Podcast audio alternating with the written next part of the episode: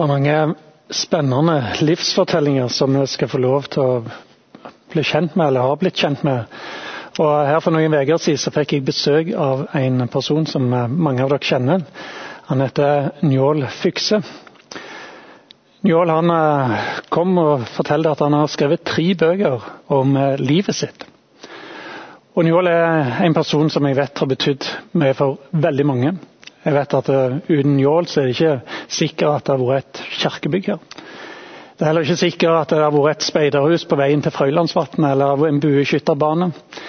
Jeg vet at det har betydd mange ulike andre sammenhenger òg. Og jeg og mange andre er blant de som er privilegerte å ha Njål som en del av livet vårt. Så når han da kommer og sier han har skrevet tre bøker om livet sitt, så tenker jeg wow, så spennende. For dette er en person som en kan se opp til, og som en kan lære veldig mye av. Ikke bare av hans livshistorie, men òg det han skriver om dette området. Men så er det ikke bare hans livshistorie som vi kan lære mye av, og som er spennende. Alle har vi en livshistorie.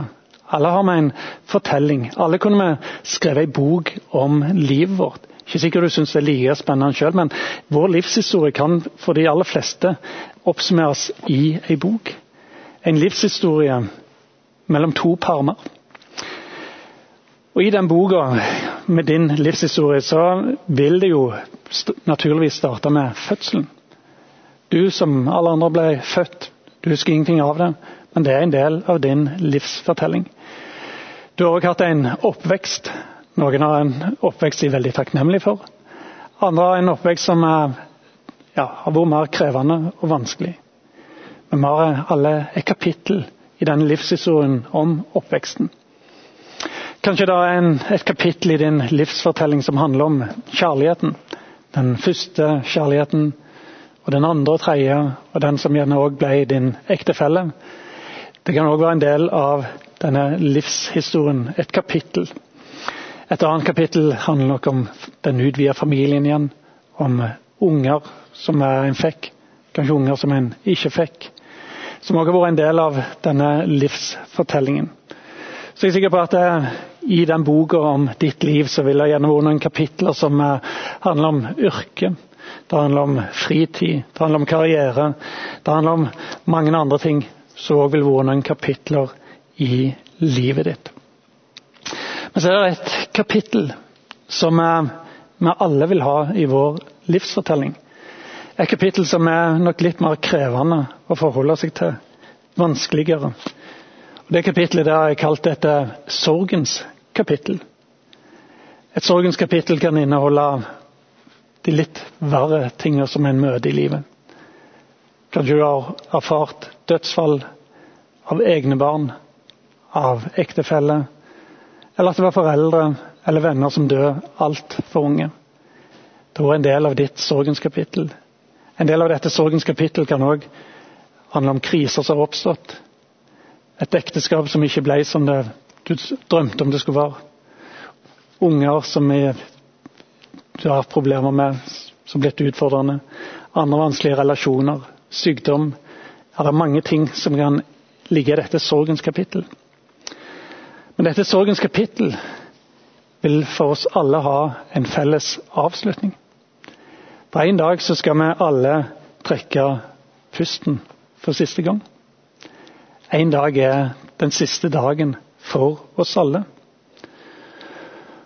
Og Da er jo den store utfordringen når vi trekker pusten for siste gang, ja, hva skjer da? En da kom til veis ende i boka. Er det den siste sida som en da har bladd om til? Det var det. Det var farlig.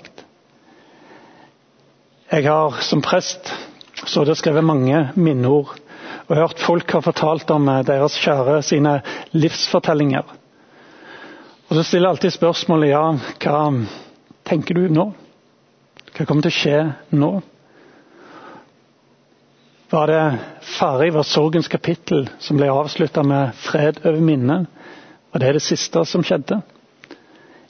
For er det bare en blank side igjen.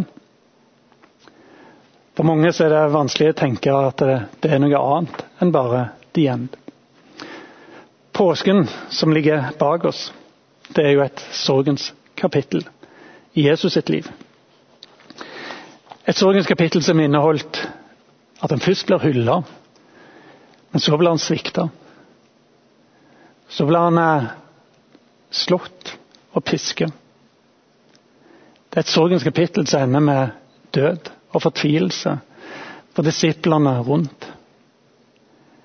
Et sorgens kapittel som ender med at en person dør som altfor ung. Kanskje de mest krevende avslutningene som fins på sorgens kapittel. Jesus var bare rett ved 30 år. Jesus som hadde gitt håp, gitt framtid til så mange. Han hadde betydd så mye.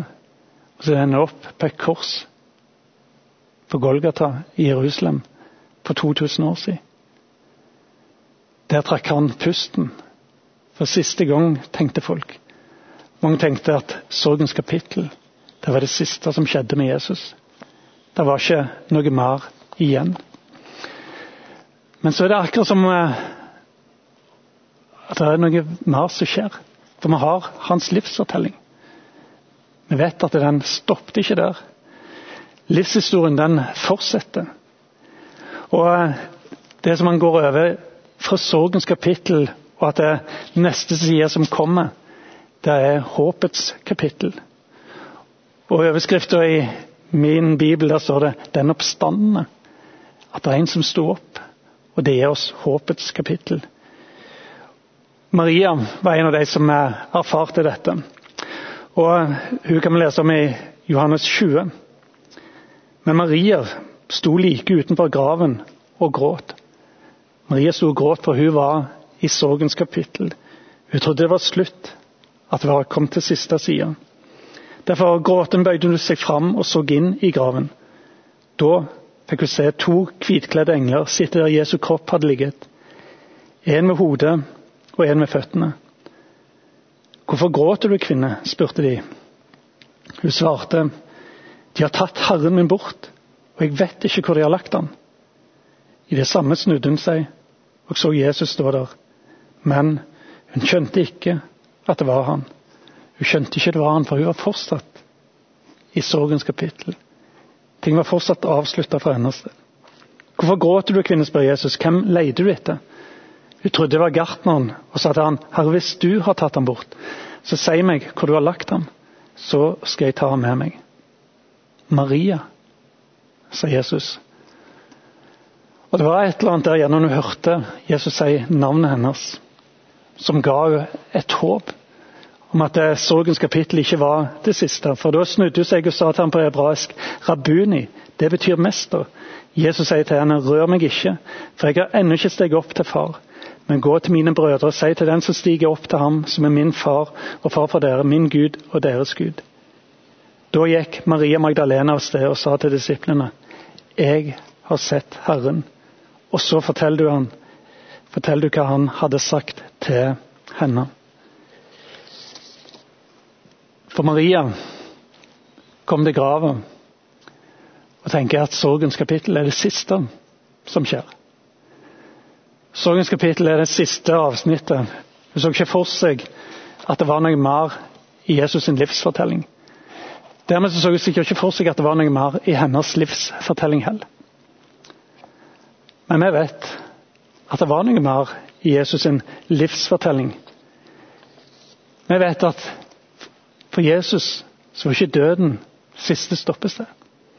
Og Paulus, når han skal beskrive hva det var egentlig som skjedde, så sier han at døden, den er oppslukt til seier. Og Det var kanskje dette Maria så noe av. At ikke bare var det Jesus sin død som ikke var det siste kapittelet i, hans, i hans livshistorie. Men at det for hennes liv så var det mer til dette livet enn bare dette livet. Paulus oppsummerer døden er oppslukt til seier. Det betyr at for meg og deg som er her, for meg som ønsker å følge Jesus, så ender ikke vår livshistorie her. Sorgens kapittel, den siste gangen vi trekker pusten, da er ikke det ei hvit side og slutten på boka i vår livsfortelling. Men vi tror at det er et håpets kapittel Et stort håpets kapittel. En evighet som ligger foran oss. Og den evigheten, den er evig. Livet vårt her på jorda er tidsbegrensa. Vi kommer til å leve 70, 80, 90, kanskje 100 år hvis vi er heldige. Noen kommer ikke til å leve så lenge. Men i himmelen, i evigheten, da skal vi leve evig. Og når jeg jobbet med denne talen, så tenkte jeg at det livet som vi lever her på jorda nå Det som vi er opptatt av, skal ha alle disse kapitlene, alle disse inndelingene osv. Ja, det er egentlig bare selve forordet til den store livsfortellingen vår. For det er det som kommer på andre sida av grava, som alt dette, som er vår egen livsfortelling. Det er det som er evigheten. Og det var den Jesus åpna opp for oss. For den Jesus kom til jorda for å dø for oss. Det var de grensene han sprengte som gjorde at en gikk fra forordet og kan vite at livet vårt går videre. Døden er ikke sluttstreken, men døden er bindestreken. For alle som ønsker å følge Jesus gjennom livet. Det er påskens innhold. Jeg håper at påskens innhold får lov til å være en del av ditt liv. At du vet at det livet du lever her på jorda, at det er et lite forord til det store livet. Den store festen som du skal ha sammen med Jesus, som du egentlig er skapt til å leve. La oss be. Jesus, jeg takker deg for at du åpna veien til evigheten for oss. Og jeg takker for at døden er ikke det siste som skjer oss. Den er oppslukt til seier. Og Hjelp oss bare til å ha det perspektivet med oss når vi møter ulike utfordringer i livet. Hjelp oss å se at det ligger et håpets kapittel foran oss. At sorgens kapittel ikke trenger å være avslutningen. Men jeg får lov til å være overgangen, bindestreken. Det store kapitlet. Det kapitlet hvor vi skal få lov til å se deg ansikt til ansikt. Plassen hvor du sier det skal ikke være mer tårer, det skal ikke være mer gråt. Det skal ikke være mer smerte. Takk, Herre, for det håpet som ligger foran oss. Takk for at du åpna veien til det håpet. Takk for påskens budskap. Takk for det i ditt navn.